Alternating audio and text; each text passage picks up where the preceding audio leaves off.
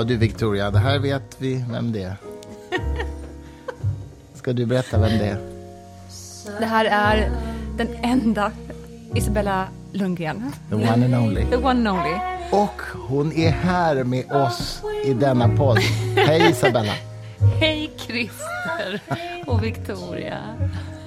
Välkommen till den gyllene grenen. Tack, min favoritpodd. Ja, men, tack. säg det till alla poddar du gästar. Nej, det gör jag inte. Bara till er. Vi skojade innan vi började om att vi skulle kunna säga att det här är som en, vi har en seans med dig här nu och du talar genom ett medium. Fast problemet är ju att du inte är död, så det går ju inte. Problemet är Det är att det är ett det som är problem. problemet.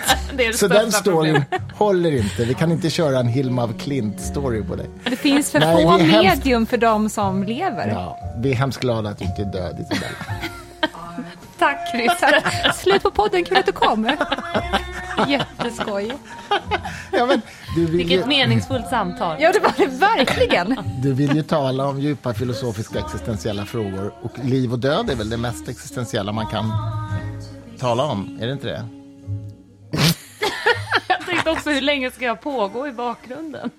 Rullar. Så, nu tar vi bort, Svinhögt. nu, har vi, nu tar vi bort dig Man hör helt ingenting faktiskt. vad vi säger. Så, slut på musiken med Isabella Rönngren. Nu är du här live. Ja, jag ber också om ursäkt på förhand eftersom jag och Victoria tenderar att bli åtta år med varandra. Alltså gud, det här Ja. kommer inte gå. Det är Nej. jag som är den vuxna i rummet. Ja, det är Det det. Och det kul. säger en del. Nej, ja, det säger... säger När vi hade valvaka och vi, vi tänker inte på hur vi beter oss kanske. Och sen så Nej. skickar Christer en bild efteråt hur det ser ut. Och då så ser- skriver Christer, alla vuxna sitter och kollar på tvn. Isabella sitter och leker på golvet. Då sitter du så- Men du gjorde ju på det. golvet. Du gjorde ju det faktiskt. Jo, men då ser man ju att jag sitter bakom dig, Och psyktittar. psyktittar. Hörrni, nu är det så här att Isabella är gäst i vår podd, Victoria. Så jag tycker att hon ska få välja vad vi ska börja prata om helt enkelt. Vad vill du, vad vill du säga i den gyllene grenen?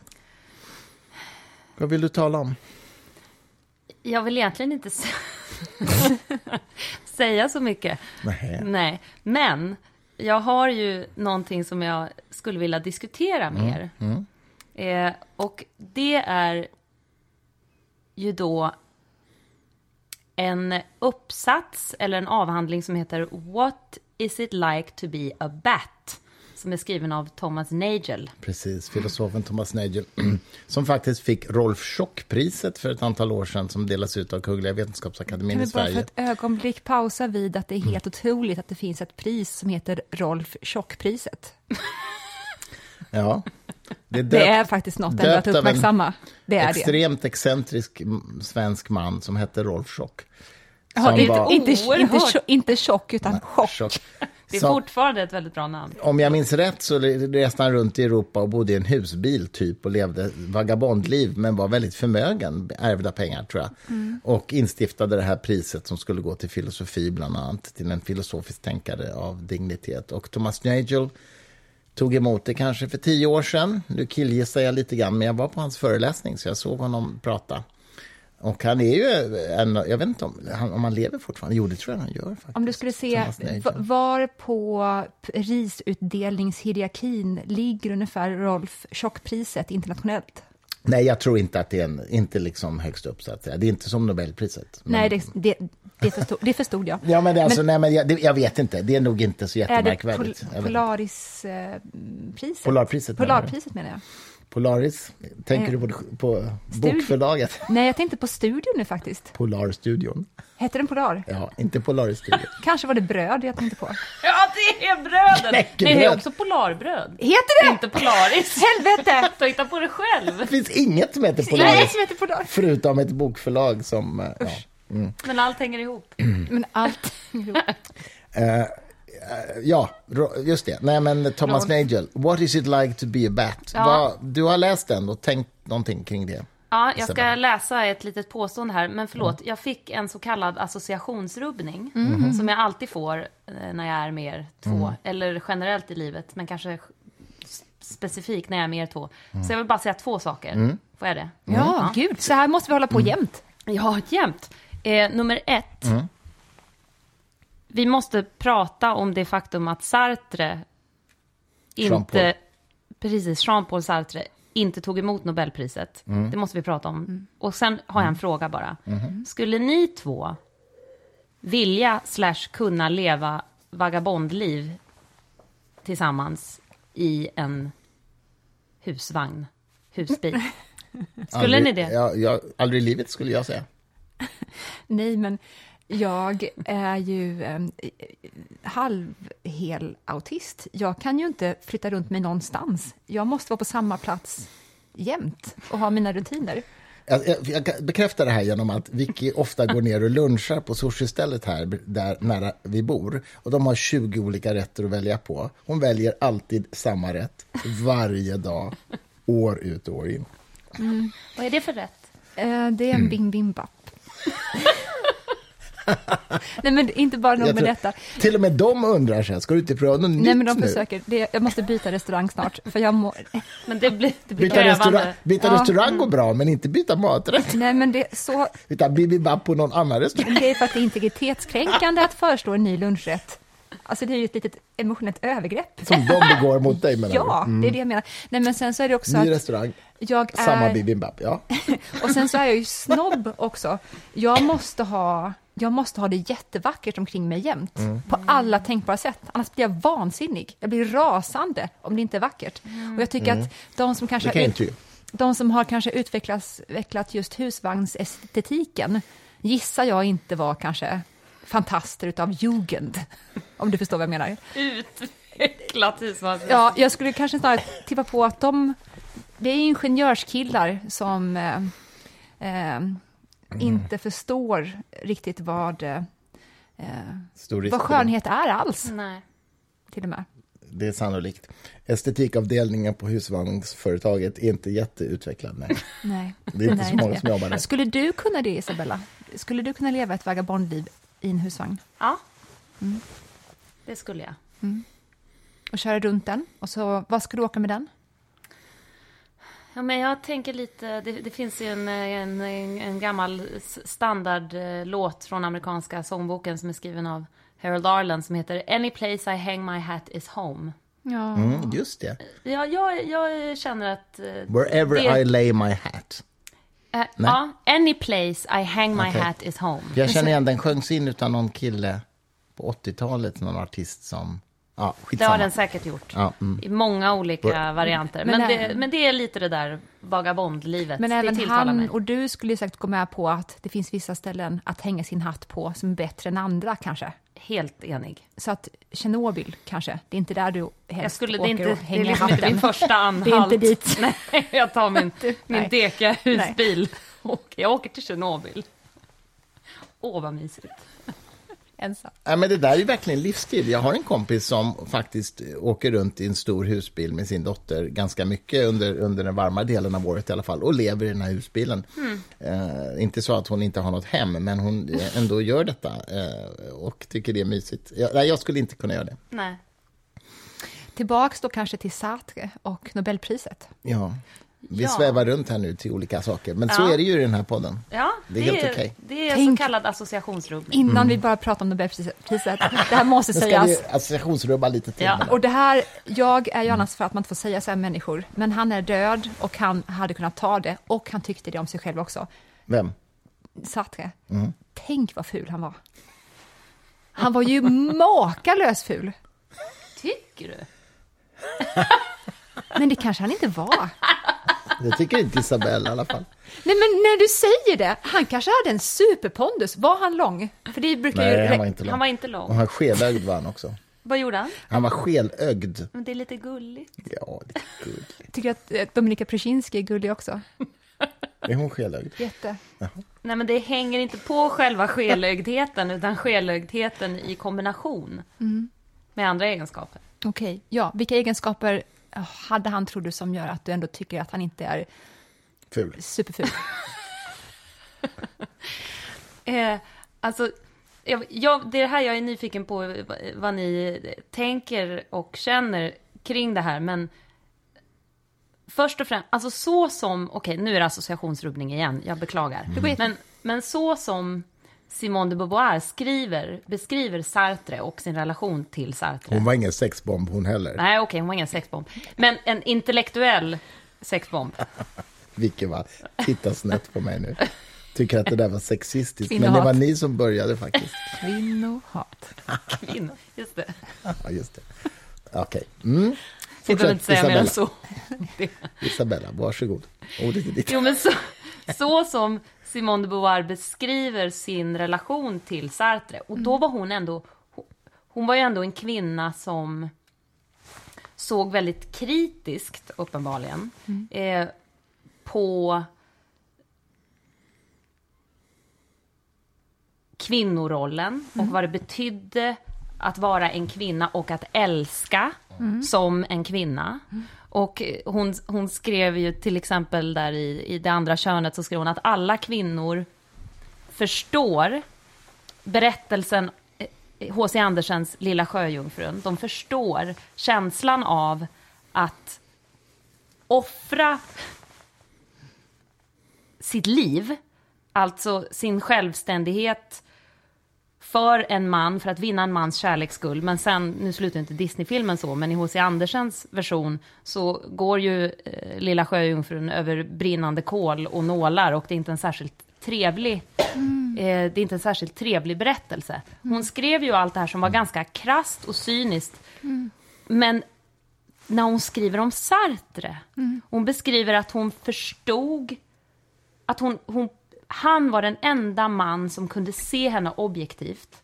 Som inte projicerade en fantasi eller en dröm på henne. Och hon förstod kärlek i relation till Sartre. För att han var den enda man som klarade av att se henne utifrån Se henne. vem hon faktiskt var, inte vem han ville att hon skulle vara. Ja. Är ni med mig? Ja. Och det är det som jag, när jag ser Sartre, oavsett då hans eh, skelögdhet eller korta längd, så tänker jag på den oerhörda förmåga, Och potensen i det. ja, och modet och den, eh, hur emotionellt välutvecklad, hur kognitivt välutvecklad man måste vara för att kunna göra så. Ja. För det är ändå det svåraste av allt. Det är det modigaste man kan ta sig för. Jag, jag, jag, tänk- det är så konstigt att du säger det här, för jag tänkte på det idag på promenaden som jag alltid går på på vägen hem. Och jag tänkte att jag ser Christer. Jag ser verkligen Christer. Blanda Och inte jag in mig i ser vårt inte- förhållande. Och jag ser inte vad jag vill att han ska vara för någonting. Och det, men det är också inte bara för att jag har nått den mognadsplatån, utan det är också för att Christer är där han är, då han är värnlös inför... Han kan inte skilja sig. Nej. Nu var det Sartre vi pratade om, ursäkta. Men, För att, så att det är både, ibland kanske man, man tror att man behöver anstränga sig för att våga visa någon någonting, men, men eh, jag tror att det är en blandning med dig, älskling. Det är både att du inte kan låta bli och att du har nått så långt med dig själv. Men vad fint det här var. Ja, Det här var men, så fint. men där, där ska jag också tillägga då att liksom innan jag träffade er så var ju eh, mina så kallade couple goals, det var ju ändå Sartre och Beauvoir. Nu vet jag i och för sig inte riktigt hur deras kärlekshistoria slutar, men sen jag träffade er så är ju ni två Okej. Vi ska, vi ska, mina couple goals. Vad, vad fint. Vi ska- Vilket fin, vi ska vad fint axla det här. Vi ska, ta, vi ska ta hand om det här. Jag skulle jättegärna vilja uppleva en sån kärlek i mitt eget Vi- liv, som vi jag ser kom- att ni har. Vi kommer inte vägra ta emot Nobelpriset när det är dags. Nej, Det skulle vara med jag är jävligt tjurig den dagen. Man vet inte med mig. Jag är lite svårare än Christer överlag. Om du har PMS den Oj. dagen kanske. Kvinnohat igen. det här kom Kan, kvinnohatet vi- kan, vi lägga in två gånger. kan vi lägga in ett sånt här, vad heter det, bingoljud varje Ja, gång som vad- Christer ut, yttrar något Kvinnohat. kvinnohatiskt? Ding! Och sen ska ni där hemma spela bingo till antalet gånger som kvinnohatet uppstår vad i den här podden. Beställ en bricka, skriv ut en bricka från kvinnohat. Kvinnohatsbingo med Christer. Sturmark. Nej, hörni, nu får ni skärpa er. Ja, Va, du ville säga något om hans vägran till Nobelpriset. Vad var det? Jo, men... eh, eh, Ja. eh, Alltså, jag... Jag har ju en eh, eh, fäbless då för, för såna här egensinniga, eh, tjuriga, gå sin egen väg människor. Mm. Och jag kan ändå inte tänka mig ett, hur, alltså, hur mycket integritet och övertygelse mm. det krävs för att tacka nej till det största, mm. det absolut största pris i form av prestige och ära och ekonomi. Som Nobelpriset, som Sartre gjorde. Och när jag läser om det här och läser om hur han själv resonerade kring att tacka nej och det faktum att han också erkände att det inte var lätt för honom att tacka nej för det, att tacka nej till det, så känner jag en djup respekt och vördnad. Det finns en risk att jag grusar detta Alltså jag bara hos väntar dig. på, jag tänkte, att- jag tänkte, ska du verkligen göra det här? Ja, därför att Åh, jag nej. tror eh, faktiskt att han, jag vet inte hur lång tid efteråt, några år In senare, på 70-talet var det i alla fall, 74 eller 76. kontaktade Nobelakademin och frågade om det möjligtvis gick att få pengarna i alla fall. Men då hade han, det hade inte gått bra en tid. Han hade druckit lite för mycket. Simon och han hade inte haft- haft ett samliv på väldigt länge. Visste du om att de hade bara sex de första fyra åren med varandra? Det visste jag inte. Sen blev hon ju jättekär, den här svenskättlingen som hette Paul någonting och som var bosatt i eh, Los Angeles. Och han flög fram och tillbaka mellan Paris och Los Angeles, men hon valde att inte följa med honom och skiljas från Sartre, fast de inte hade sex. Hon stannade kvar med Sartre för att han var ändå hennes livs stora kärlek. Det är något ändå, Det är Men det kanske inte är ett goal couple som du ska... Det beror på hur man ser. Ja, Ja, det beror på hur man ser det eller vad som är viktigast för en i relationen. Jag hade ju mycket hellre valt, nu är ju ganska, båda saker ganska viktiga, men det intellektuella är ju allt, tycker jag. Ja. Nästan. Men han, men han bad ändå att få pengarna, så, att så, så otroligt renlärig var han ju inte till Nej, slut. men man, Han, var, re- han var renlärlig i några år i alla fall. Mm, det alltid är mer något. än vad de flesta är. Fakt Ja, ja, jo, jo, ja, Fakt- visst. Det behöver inte vara binärt där. Nej, det, det är verkligen sant. Men du, om vi bara går tillbaks till What is it like to be a bat? För det Ja. var någonting du ville säga om det, tror jag. Thomas Nagel. Eller diskutera kring det. Precis. Vad är själva frågeställningen? Men helt enkelt så... Eh, om, om jag kortfattat ska försöka utifrån bästa förmåga sammanfatta vad den här handlar om så är det helt enkelt, jag läser ett citat tänker jag. Eh, här ska vi se, nu ska jag bara hitta. Medvetande filosof. Mm, Bland annat, ja. Mm. Just den artikeln handlar ju om det. Mm. Men den kom ut Eller på sen. 70-80-talet. Kanske något sånt, jag är osäker. Men det låter rimligt. Ja. Och, eh, 74, precis. en av de mest... Eh, ja, men det var väl den som kanske blev en bestseller först inom det här vetenskapsfältet, tror jag. Alltså den, blev- han nådde den breda det- allmänheten den Ja, boken. det är ju en essä. Det är en ganska kort essä. Det är inte en hel bok, utan Okej. det är en essä. Kort, att säga, till och med. Men, den, men det var helt rätt. Den blev ju stilbildande, så att säga. Och den, den initierade en medvetande filosofisk diskussion som fortfarande pågår. Ja, visst, och som man använder sig jättemycket av eh, bara konceptet how to be a bat. Mm. Ja, ja, och då. Mm, vet alla vad, vad den personen menar. Så att det nästan blivit som ett form av språkspel eller en ekvation man kanske Mm. slänger ur sig i ord för att alla ska hamna på samma plats fort. Ja, visst. Och konceptet är ju så här, att vara medveten är att ha en upplevelse av hur det är att vara jag. Eller vara den man är, Exakt. om man så säger. Precis. Det, det, är, det är liksom ja, en slags jag, definition. jag, jaget är en annan sak. Okej då. Att vara den man är. Att uppleva att det är någonting att vara den man är. Det är Eller det, slags, eller det man är. eller det man är. Det, det är den subjektiva upplevelsen av att existera. Det, det, det liksom är en slags definition på medvet, medvetandet. va? Precis. Precis. Och, och, det, och det, var, ju- det, det är det han, han menar ju att en människa kan föreställa sig hur det är att vara en, vänta, hur säger, bat, fladdermus. Fladdermus. Tack. Eh, och genom att försöka anta en fladdermusperspektiv.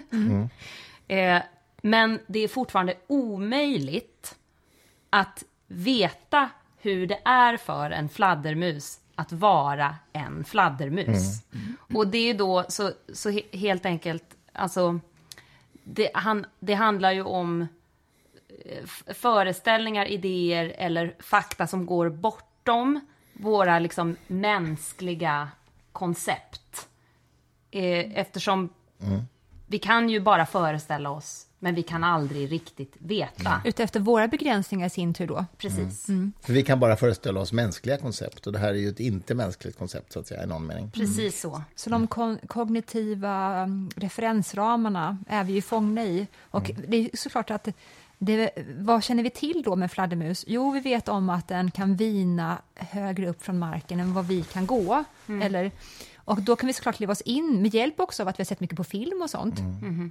När kameraåkningar åker genom luften och så. Och då kan vi leva oss in i just det perspektivet. Men man får inte förväxla perspektiv med sann eh, medvetande transportförflyttning. Det är någonting helt annat. För man, vi som människor har lätt att fokusera så otroligt mycket på synen som sinnesorgan. Mm.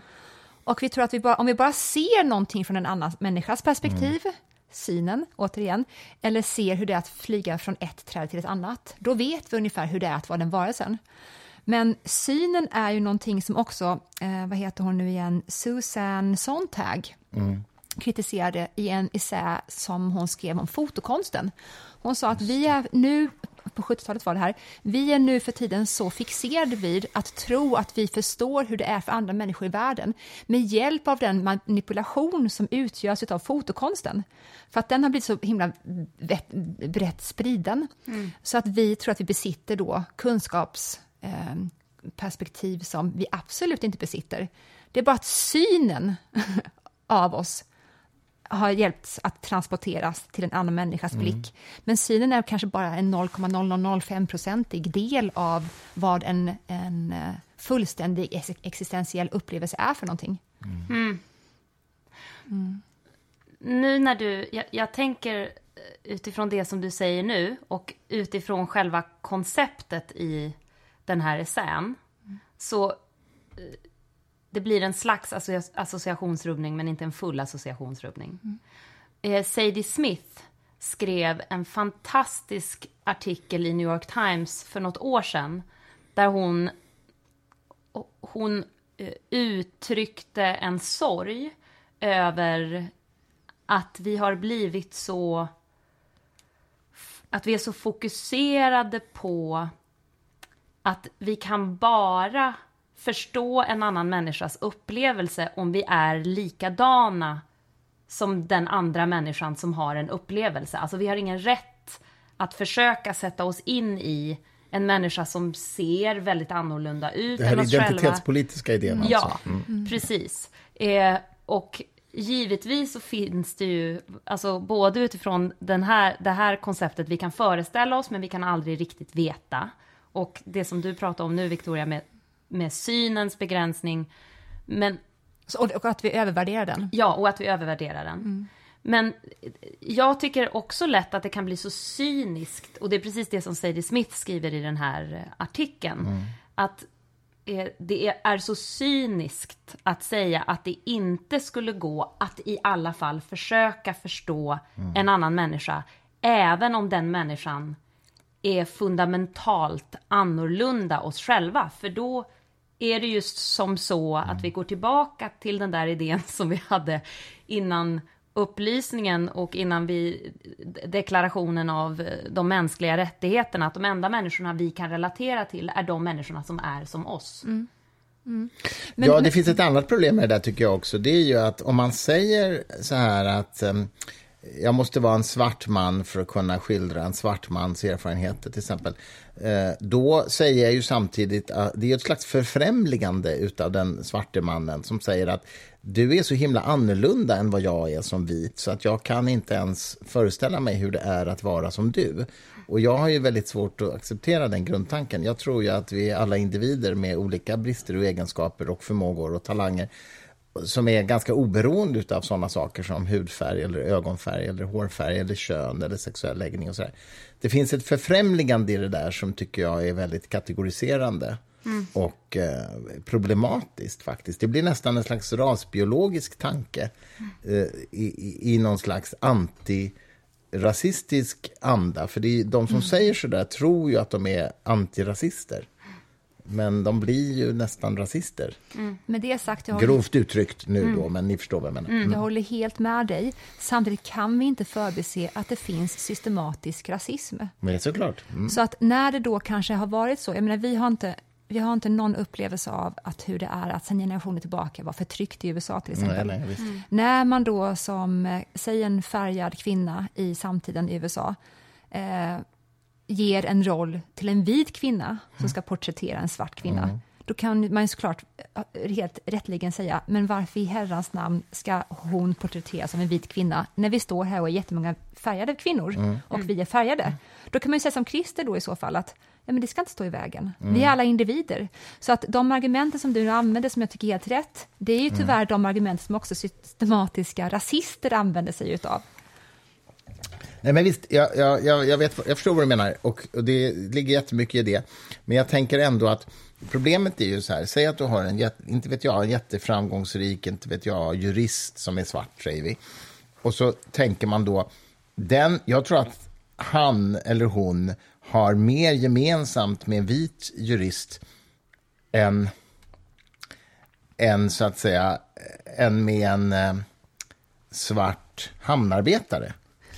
Rent, säga, rent tekniskt är Ja. ju det sant. Ja. Men det här är ett annat spel. Mm. Det här handlar om någonting helt annat. Tekniskt stämmer det. Mm. Men vad sänder det ut för signaler att man väljer någon annan för en annan? Eh, när det finns Mm. Jo, jo, massa jo. människor Ja, ja, att tillgodo. Men det är ju väldigt speciell, och du tänker på rollbesättningar i filmer Ja, du tänker på, men, ja mm. absolut. men jag tänker mer som ett ge- generellt tankesystem, liksom det här, Mm. att det finns en slags förfrämligande i att Ja, säga att en författare kan inte skriva om en annan sort än sig själv. Nej. För då har man definierat sorter plötsligt. Liksom. ja, ja, ja. Men jag måste få fråga en annan sak, en, en metafråga till dig Isabella, om, om det du kallar för associationsrubbning. Nu blir det här jättekonstigt, för det här blir en metafråga som dessutom blir självrefererande. Men jag undrar så här, för det här är nämligen en, det här är en, jag, jag får en associationsrubbning nu nämligen, som handlar om associationsrubbningar. Ja. Och min fråga är så här, Båda två fick en stroke nu. Ja, faktiskt. och min fråga är, vad är det för skillnad på en association och en associationsrubbning? Det är bara semantik. Det, är bara, det har Victoria lärt mig att man får inte säga att det är bara semantik. Nej, förlåt. Då, då, då får man, vad heter det, straff, då blir man utvisad, då hamnar man i utvisad nu? utvisningsbås. Nu är du utvisad. nej. Tråkigt. Nej, men jag tänker- aldrig. Nej, men en, ass- man får ju, alltså, Gyllene grenen är ju en podd, med bara, vi associerar ju helt crazy och helt Ja. vilt hela tiden. Och jag tänker att, men du kallar det associationsrubbning, men du menar egentligen att man associerar till något helt annat? Eller att det, för, Eller? att det inte följer någon logik alls. Ja, ja eh, precis. Men- ja, okej. Någon Eh, synbar logik i alla det, fall. det är till och med om, om en association är en... Nej men okej, jag skulle ändå inte säga att en association är en rubbning. En association kan ju vara logisk. Men en association... Rimlig, så att säga. Mm, Okej, rimlig. Ja, det är bättre. Kanske bättre, ja. Ja. Okej, Men- så den här associationsrubbningen är en, är en orimlig association? Ja, Nej, eller, Ja, eller är mer eller mindre vivid. Mindre Ja. rimlig association, en associationsrubbning. Ja, okej. Precis. Och, Fair och, enough. den, och, den, och den, den, den kanske inte vid, vid första eh, anblick ter sig rimlig. Och då kallar man det för det kanske? Ja. Så då är det ett språkspel Precis. egentligen. Språkspel. Språkspel var ju någonting, apropå att du och jag pratade om Wittgenstein nyss. Ja. Språkspel, om inte jag är helt fel, var ju det som Wittgenstein utvecklade som koncept, väl? Osäker. Det jag tror jag. osäker. Det är vad jag tror faktiskt. Mm. Det, det, det, I alla fall så skrev känns- han tjatade om det hela tiden. Känns förknippat med Wittgenstein förvisso, men jag, jag kan inte Wittgenstein tillräckligt väl. Inte Har ni jag läst Sten Andersson? Ja, du har läst den, Victoria. Sten Ja. Anderssons eh, biografi om Wittgenstein. Han var ju inte någon charmig människa att ha att göra med. Alltså. Jo. Nej, det var han inte. Det här pratade jag, på tal om att vara briljant men inte vara en charmig människa att ha att göra med. Det här pratade jag och Victoria om häromdagen. Och vi, jag, jag smsade Victoria så sa jag att det här är liksom mitt livs största huvudbry. Ett av dem. Men kanske det största. Och det är hur är det möjligt att stora konstnärer, oavsett vilken form eh, de än har befunnit sig i, om de har skrivit poesi eller litteratur eller gjort musik eller drama eller film, oavsett vad, eller filosofi för den delen, som är en konstform, eh, Ja, kan skapa saker som är så fyllda av skönhet och mänsklighet och godhet och mening, kan vara såna totala praktarslen i livet. Detta är vårt ständiga Ja, återkommande men- Som Wittgenstein till exempel. Ja, men jag, för, jag förstår inte. Hur kan man ha förstått allt det här och, och gett liv till det? Det har blivit någonting. Och sen så tittar man på det där själv efteråt och hör och ser och betraktar. Titta vad jag har fått ur Och mig. transformeras Ja. och uppgår Fast i Wittgenstein är inget bra exempel tycker jag, för han åstadkom ju knappt någonting heller. Okej, men vi, vi suddar ut Wittgenstein. men det, det finns finns ju, jag menar, det finns ju en ja, lång, ja. lång Ja, ja, lista. ja, ja. Det, det, den är den längsta listan. Det är den längsta listan. Men um, den här frågan har inte jag ställt till dig tidigare. Nej. Varför jag nu inte har gjort det. Vad tror du Jung hade sagt om det? Om du hade frågat honom det här, vad hade han svarat?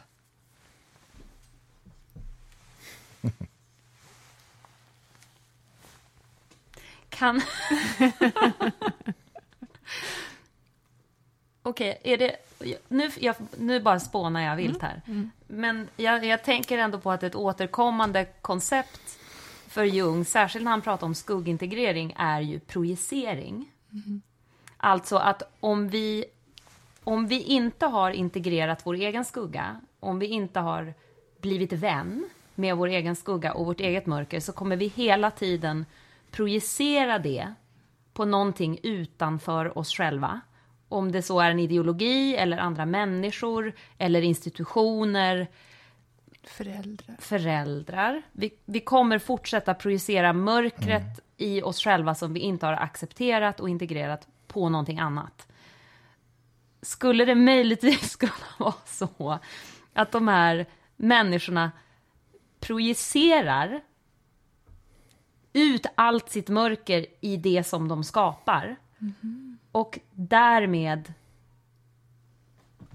därmed aldrig riktigt kommer åt det för att det förblir alldeles för abstrakt. Mm. Åh gud, det, det, här, det här var en plot twist. Det här såg inte jag komma. Inte? Vet, vet vad jag trodde att, jag skulle, att du skulle landa i för någonting? Nej. Jag trodde att du skulle landa i att du hade lagt så mycket projektioner på skaparna. Ja, det har jag som, också som, gjort. ja, Som jag, vi, vi ju gör. Eh, som i sin tur då gör att du blir så förvånad när de bara visar sig vara människor. Samtidigt då som jag, och det vet jag att du också tror, att människan bär på utom ehm, upplevda platser inom sig. Det bortom personliga bor i människan också. Och sen kan man ju fundera över vad det är för någonting. Eh, men eh, hade en människa bara skapat verk från det personligt upplevda eller från jaget, då blir ju inte det ett sånt verk som gör att du och jag transformeras eller uppgår i det transentiva alls. Men däremot de skaparna som skapar någonting från det bortom personliga, det eh, då blir det någonting som rungar över tid också. Men när de slutar skriva och skapa, då går de ju fortfarande runt i sina mänskliga dräkter som sina jag. I sina ointegrerade... Det är absolut först och främst sant att jag projicerar en massa saker på dem. Jag med. Ja. Ja. Men, men däremot, jag menar, tänk, tänk er själva om... Jag menar, man, man bar på all den här skiten som alla bär på. Men just den här skiten som de här bär på, det blir liksom Tristan och Isolde. Alltså jag menar, då är det ingen anledning att bara, jag ska integrera min skugga. Nej! Jävla jävel Ja. som skapar det. Ja men förstår ni vad jag menar? Jag förstår, jag har aldrig tänkt det här. Nej men varför skulle man behöva göra det? Skitsamma, det blev Tristan och Isolde. Så skulle jag också well, tänka. fuck you, världen. Nu kan alla er inrätta er efter mig Ja. för att jag har skapat det här. Och det kommer ni alla göra också. Exakt. Alla kommer bara följa mig som ett lämmeltåg och fylla på mitt glas stup i kvarten tills jag dör i en hjärtattack i Venedig. Wagner. Wagner. Alltså, jag, jag har en fråga till dig, Isabella. Du är ändå gäst här i vår podd, så jag måste få ställa några så här frågor om ditt, ditt värv och liv. Hur integrerar du din skugga i ditt, ditt skapande process, alltså som artist, jazzsångerska, kompositör och ja, allt detta du gör som din livsgärning. Hur integrerar du din skugga i det? Det var en bra fråga. Alltså jag kan nog inte svara på det specifikt i relation till att, att skapa någonting. Eh, f- för där känns det som att jag är så omedveten när jag gör det. Så jag, inte, jag, jag kan liksom inte specificera vilka mekanismer som gör vad. Du menar att du är omedveten Eller när du framför en vad? sång? Ja, framförallt när jag framför min sång, men även när jag skriver initialt. Sen så kan det ju Komponera, komma... menar du? Ja. Ja. Sen kan det ju komma en, eh, en process efteråt som Mm. är mer medveten och rannsakande, men i stunden så är jag väldigt omedveten. Okej. Men generellt i mitt liv eh, och eh, skuggarbete så jag, har ju jag döpt min skugga. Vad heter den? Ursula. Alltså gud, det är så Mm. sexigt faktiskt. Nej, men alltså, Ursula var ju, apropå sjöjungfrun, sjö, Ja, sjöjungfrun, det är ju hon med bläckfiskarmar. Jaha. Hon hade så här snygg svart korsettklänning, kommer Mm. du ihåg? Jaha. Som jag kollade på idag på Other Stories faktiskt. De hade Du, en du sån. ville köpa en sån? Ja. Och tänk- köp en sån. tänkte på henne. Christer, det är ett tecken. Det är jag det. förstår, det är synkronicitet. Synkronicitet. Blink, blink. Oh my God, ja. Kvinnohat. Tredje gången! Tredje gången. Tredje gången. Den här var faktiskt inte lika uppenbar, Victoria. Nej, han har blivit bättre på att dölja det. Ja, just det. Det är så det är. Hur, inte, Oh hur God. integrerar du din skuggsida, Sturis? Ja, det vill jag också veta. Ja, det är en väldigt bra fråga. Jag tror jag, kan, jag, tror jag, använder, jag kanaliserar den till att... att ehm, Nättrolla. nej, inte nättrolla, men däremot att, att jag tror att jag till exempel är ganska tuff i förhandlingar och det beror på delvis att jag använder en del av min skuggsida i det. Ja. Ja, Det tror jag är ett, ett sätt jag använder den. ja. i, liksom professionellt i mitt yrkesliv och så. Men Isabella, jag bara känner att vi tappar lite grann What is it like to be a bat, där du började. Jag tror, vi har fortfarande inte liksom kommit till kärnan här. Nej, Fast vi precis. var väl det? Jag kände det. Va, ja, men det, ja, vad säger du det. Isabella? Det får nästan du Ja. bestämma. Ja, nej, nej, men det blev ett par associationsrubbningar, men jag tycker att det är precis som det ska. Ja, Men däremot så vill jag gå okej. tillbaka, för ni hade ett väldigt intressant samtal här. I Gyllene grenen. Nej, just, ja, Jaha, nu- precis, just nu, nu, alltså. i Ja, Gyllene okej, grenen. ja, mm. Gyllene grenen i nutid. Ehm, därför att jag, jag är nyfiken på hur ni tänker kring de här två sidorna som ni på något sätt representerade en sida av vardera nu. Alltså när vi pratade om att kunna föreställa sig hur det är att vara någon annan som inte är som en själv. Hur ska man försona de här två? För är det ändå inte så att man behöver hitta något sätt att försona det på? Att om det blir för ensidigt, oavsett vilken sida av spektrat, så kommer vi inte komma någon vart. Kan man försona de här två? Vilka två sidor menar om du Då menar jag, dem? Mm. till exempel, du pratade om att eh, det var ett väldigt fint ord du använde, främliggöra. Förfrämligande. Förfrämligande, precis.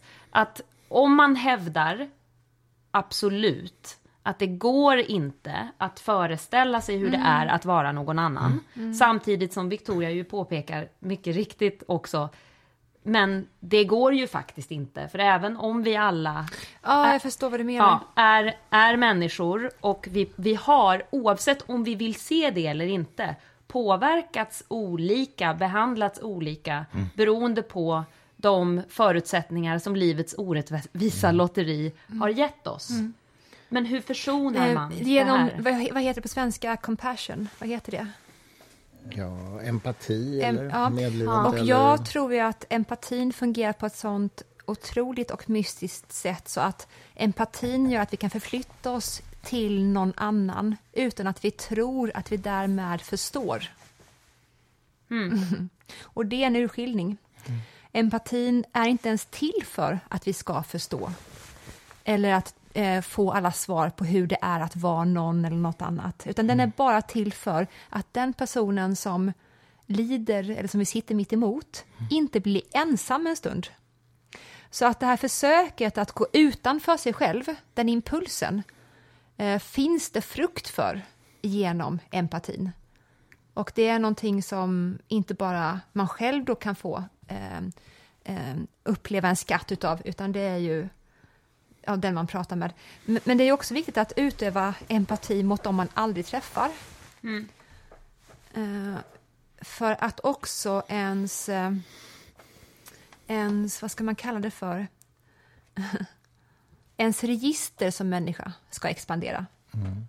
Så att ifall man övar på eller läser skönlitteratur eller ser på filmer eller tänker på alla de där ute som inte är lika lyckligt unnade som jag är. Om jag gör det, då kommer det få en konsekvens av det i mötet som jag kommer ha med någon annan människa någon timme senare. Mm. För att då har jag vidgat mitt register från vilket jag då, jag, alltså min träffyta inför den personen växer. Mm. Jag har inte bara då en liten nitisk blick på den personen då jag bedömer den som efter vilken jacka har hon? Eller, jaha, vad sa hon att de hade varit på semester? Alltså det går inte. Om du har levt dig in i hur folk har det just nu på olika delar av världen och sen går och träffar en person och bedömer någon annan person efter vilka skor den har, då är det något systematiskt fel med din empati. Då mm. har man en empatistörning i så fall. Så att empatin är någonting som gör att träffytan mot vilken du sen då kan bli berörd av en annan människa, den, den expanderar. Mm. Mm, det är väldigt fint. Mm, väldigt nej, fint jag håller verkligen helt med om det. Och jag kan bara liksom, vad heter det, komp komplettera det med följande reflektion. Att jag, jag känner ju... Jag vet inte om du hörde vårt avsnitt typ förra eller förra, förra gången, jag kommer inte ihåg exakt när det var, när Victoria frågade mig varför jag aldrig kommer åka på något mansläger. Det hänger ihop med det här, därför att det, det är just apropå förfrämligande och apropå det här med grupp och sort och sådär. Jag jag kommer aldrig att identifiera mig som man på gruppnivå. Och vad jag menar med det är att jag upplever mig själv väldigt mycket som man, eller manlig om man så vill, som individ. så att säga. Det handlar inte om det. Men jag kan inte identifiera mig med andra män på gruppnivå i den meningen att vi har något speciellt gemensamt som jag inte har med kvinnor eller med andra personer eller vad det nu skulle vara. Mm. Eh, så att jag ska åka på en jävla läger eller ha herrmiddag eller något sånt här idiotiskt. Liksom. Den typen av gruppidentifikation är för mig otroligt främmande. Och det är till och med så att det, det, det, det är mer än främmande. Det är så att jag känner en ganska stark aversion mot det. Därför att jag upplever att jag har mycket, mycket mer gemensamt, till exempel med en kvinna som har liknande intressen som jag, eller åtminstone liknande sätt att vilja resonera som jag har, än jag skulle ha med män som råkar ha samma kromosomuppsättning som jag, men som har andra intressen. Så jag förstår inte den identifikationsprocessen som ligger bakom herrmiddagar eller mansläger och så vidare. Mm. Förstår du vad jag menar? Ja, jag förstår och det, och det, är ju den, det, det, är ju det där som jag tror finns något slags farligt i. Och att i samma ögonblick som man tror att man har något speciellt gemensamt med en, på gruppnivå med människor som har samma kromosomer eller samma hudfärg eller något sånt där. I samma ögonblick som man tror det så förfrämligar man andra mm. som är och då av en annan sort, så att säga, inom citationstecken. Då. Och det är en föreställningsvärld som jag tror leder Att man går fel. efter falska markörer, menar du? Ja, alltså, ja att det, alltså det är en slags markör som jag inte vill liksom erkänna eller som jag inte tror på helt enkelt. Mm. Och jag tror, jag tror dessutom, jag tror två saker. Dels tror jag att den markören inte finns. Jag tror att man har mer gemensamt på individnivå än på den sortens gruppnivå utifrån någon slags sort. Det är en aspekt på det. Och det har vi pratat om mycket. Så här. Ja, det är en annan diskussion. Men sen tror jag också att det är så att säga, politiskt och sociologiskt eh, negativt att mm. göra det. Det är två olika saker såklart. Mm. Man tjänar inte på det på individbasis, man tjänar inte på det heller på ett samhällsstrukturellt nej, sätt. Nej, precis.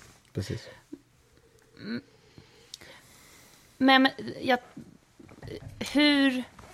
Jag tänker så här, man kan ju ändå inte komma ifrån att det betyder någonting. Mm. Sen så hur mycket det betyder är ju en annan fråga. Mm. Alltså att man delar, eh, jag och Victoria är kvinnor. Mm.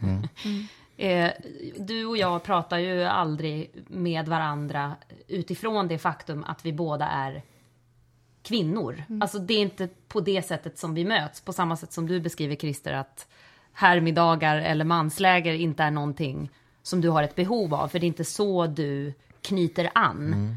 Eh, Ja. Men man kan inte Nej, men- förbise. Jag kan inte... Och, men det är ändå ett faktum som kvarstår. Eh, att, att det finns någonting som knyter an i det faktum att vi båda är kvinnor. Sen hur mycket, jag vet inte hur jag ska eh, avgöra det eller med vilka medel jag ska avgöra det. Men, Men jag de- känner det i alla fall. Med dig. Ja, ja. Men, men alltså, gru- ja, Men det, men det jag menar är, alltså nu tänker jag lustigt nog på Luther. Luther? Ja, därför att... Gubben i lådan, Ja, ja. Mm. gubben i lådan. Men eh, eh, Luther, en av sakerna som han kritiserade med katolicismen Mm. var ju att där existerade då en slags gärningsrättfärdighet. Alltså att du kunde... Avlatsbreven och Ja, så. Mm. precis. Du kunde, Precis. eh, du kunde ytligt Köpa prestera dig, fram till, köpa dig till, Mm. handla fram till, men ett, ett överbetonat fokus på handling eller på estetik Mm. eller kosmetika Jo, det sa ju ingenting om din faktiska tro. Och nu pratar vi ju inte om någonting som är religiöst här. Men... Jo, det är klart vi är. men, men jag menar eh, eh, att det handlar... eh, Vad är det jag menar egentligen? Jag menar att när det går så där långt så känns det som en överbetoning, tycker jag, av, av det yttre.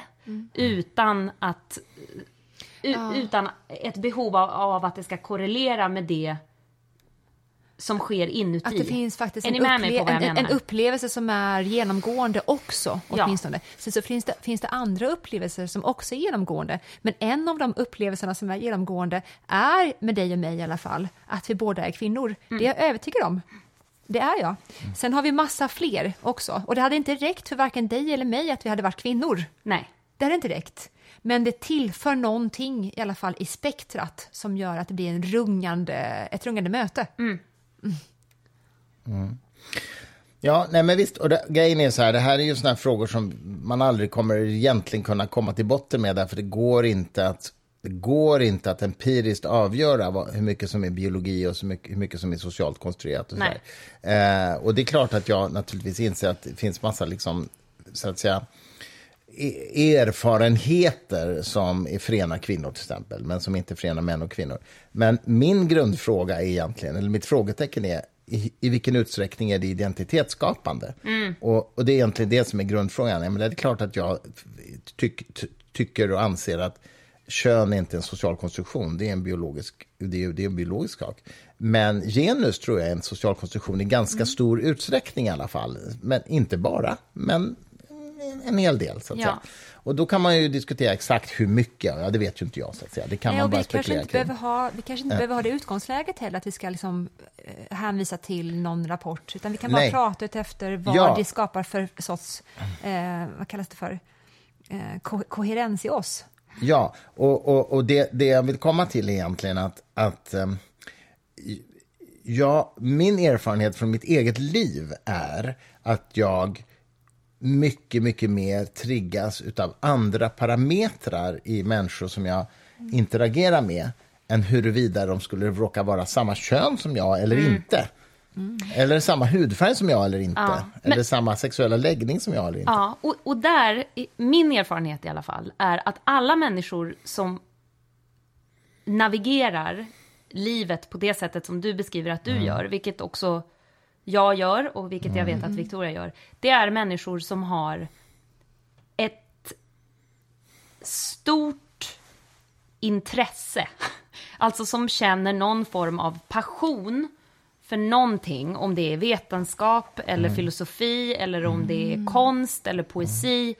Och det är det, jag tänker på det här Som exemplet. trumfar. Ja, som trumfar.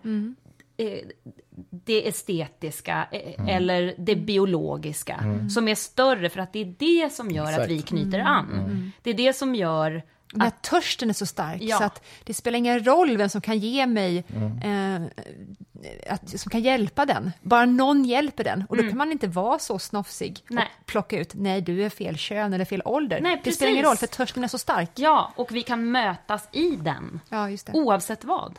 Ja. Nej, men verkligen. För, för, det är ju därför jag... Men, men, för, förlåt, men menar Ja, du då, eller menar ni då kanske också, att de som inte har en törst med någonting i livet enklare eller mer lättvindigt faller till de eh, normativa könsrollerna i hur, hur, i hur man umgås eller hur man beter sig? För att de har ingenting som triggar dem att övervinna dem. Hur men, eh, jag förstod inte den frågan, tror jag. Jo, men ifall det är så att man inte besitter en sån törst, alltså du har ju Ah, ja. vetenskapstörst och jag har, då, då struntar vi ju i vem som kan hjälpa oss med den törsten. Men om man inte har en sån törst i livet, menar ni att de människorna då har lättare för att besitta normativa könsroller eller att... Jag tror att det är ganska många människor så att säga är konventionella i den meningen att de faller in i väldigt, att de är ganska normstyrda. Och då, då är det så att då ska på, ett, då ska på en, en, en, mid, en parmiddag med åtta personer så ska killarna stå i ett hörn och prata med varandra och tjejerna i ett hörn och prata med varandra. Och det där är ju, alltså jag tycker det är avskyvärt och jag får ju panik om jag hamnar i en sån konstellation. Ehm, eh, likväl som, det vet ju du Victoria, att jag tycker det är jättejobbigt när folk på en middag har flera parallella samtal på gång samtidigt runt bordet. Jag, jag vill att man ska prata gemensamt, men det är en annan historia. Men i alla fall, eh, men, ehm, men jag tror att det finns många människor som helt enkelt följer med konventionerna, bara gör som, man, som de tror att förväntas av dem, så att säga. Ja, för att gruppen är ju så stark. Grupptrycket ska är starkt, Ska man ja, vara den som bara... Som visserligen jag har varit och det har inte gått kanske toppenbra innan jag träffade dig i alla fall. Vara den som bara går och ställer sig med männen. Då tror ju de att man är typ promiskuös. Det är så man blir registrerad. Ja. Men det är bara att jag inte vill prata om. Jag ska in, det, ska, det ska inte jag stå för kvinnohatet här. Jo, nu är, det, nu är det klocka som ringer igen. Aj, Nu är det. Victorias internaliserade sexism. Det, det, det ska vara en, Internaliserad en sexism. internaliserad sexismklocka också. Jag håller väldigt... Jag, jag är rädd om den skuggsidan. Jag vill inte, jag vill inte göra upp med den. Jaså? Men även ä- innan som jag träffade dig faktiskt så har ju, eller det var väl, vad säger jag? Innan du träffade Isabella. Ja, Isabella. Eh, jag har ju haft väldigt svårt för att umgås med kvinnor innan jag träffade dig. Det kanske också därför det typ tog oss ett och ett halvt, två år innan vi blev de vi är nu tillsammans. Gjorde det? Det tog ganska, ja det tog en stund i alla fall. Vi visste direkt, Ja. men sen så tog det ju en stund innan vi helt, Ja. ehm, att vi, vi, vi behöver inte tänka direkt, eller jag i alla fall när jag ska skicka ett sms till dig. Nej, alltså nej. nu är det ju bara en, en lös och ledighet som, som är här för att stanna. Där, Den är, Den är här för att stanna. Ja. Oh my god, ja. Men- ja, Isabella, du är vår gäst så du får liksom sätta temana här lite grann. Du vill ju prata om Schopenhauer också. Jag bara Ja. säger att Apropå kvinnohat så puttade Vi- han ju ner sin hushållerska för trappan. Schopenhauer, Jo, det var inte snällt. Han gjorde det, det är sant. Varför gjorde han det? För att hon, gjorde, hon gjorde fel en gång för mycket. Okej, det där var ju frukt, en fruktansvärd förklaring till varför han gjorde det. Det var väl för att han bara var ett Kvinnohat, C-svin. Det var väl det, Eller, eller, hur? Victoria, men nej. Nu kallar jag dig för Isabella, det var ju bra. Jag blandade ihop det där. Christer har så dåligt ansiktsminne, så att jag så här, ja, nu ser inte jag vem som har långt hår och vem som har kort hår. Herregud alltså. Oj. Ursäkta, ni som lyssnar nu undrar vad som hände. Det var inte värre än att eh, mixerbordet höll på att välta. Alltså jag orkar inte, vet du Åh, vad? vilka Men det- typiska tycker kvin- vi- kvinnors skrik han är avgav. Perfekt. Perfekt. Uppfyller alla könsnormer och alla köns... Men vem gör inte det, eller säga? Isabella, vi, vi måste faktiskt, vi har pratat en timme nu nästan, du Oj. måste bara säga någonting om vad, vad händer i ditt Ja, liv nu? Du är ändå här som vår gäst. Vi har ju, det var i och för sig inte tanken att vi skulle intervjua dig, utan vi skulle ha ett samtal. Men jag vill ändå att Precis. du säger någonting om what's next eh, i, i ditt projekt. Du håller på med en ny skiva. Ja, Vad är det för någonting? Det är eh, musik som jag har skrivit de senaste åren. Som Ditt jag har, eget komponerat material Som jag har alltså? suttit och hållit i Mm. och inte vetat vad jag ska göra av. Men nu ska jag prova. Eh, för att, nu ska vi se här, din senaste platta är ju American Songbook. Men plattan innan dess var väl egenkomponerat om jag minns rätt? Ja, delvis. Och även den innan. Ja. Och sen Dylan emellan. Just det, Dylan emellan också, precis. Men nu blir det alltså egenkomponerat igen. Ja. Har du spelat in redan? Nej, vi har, vi har börjat eh, hålla på. Vi spelar in i januari. Vem skriver arren? Eh, det är en, eh, en fantastisk musiker som heter Johan Lindström som spelar pedalstil. Som bland annat har ett band som heter Tonbruket. Som är otroligt. Och han gör en, en, en massa olika spännande eh, saker som är odefinierbara. Det Och blir han, har- roligt. han har arrat alltså hela... Ja, det, han producerar, precis. Vad kul. Mm. När kommer kommer detta? den? Det vet jag inte än. Det behöver man inte veta. Nej, vi får se. När det är dags. Ja, när det är dags. För senast gjorde du ju den här fantastiska Judy Garland hyllningskonserten på Ja. Konserthuset. Och sen gjorde du DN-konserten i, på Gärdet i Mm. augusti, va? Och sen riksdagens öppnande konserten på Konserthuset där vi var och tittade. Stolta var vi. Det var Vi var som ni. två föräldrar. Två var ju det. föräldrar. Det var Eller ni. något, eller syskon, vad ska man kalla det för? Får vi, får vi ditt vara fo- dina föräldrar? ditt folk. Isabella? i alla Åh fall. ja, jag be- Nej, jag ska förlåt. Du behöver det. Ja, men det är bra. Ja, ni Apropå, apropå vad jag ni sa kan- till dig på Christers releasefest. Va? Ja, Nu tar vi inte det här. Det här nej, vi kan, vi kan Vi kan faktiskt, inte, ta det. ta Det är det. väldigt mycket som jag och Victoria säger till varandra som vi inte kan ta. I podden. Ja, Nej, i Vad är podden. det för fel, vad är det för fel egentligen? Ja, det är väldigt ofta jag undrar, undrar det själv. Vad är det för fel? Nu, nu, Alla barnen. nu nu hör vi lite Isabella här. Just we two. Tack för, det, tack för denna gång. Tack, tack, tack.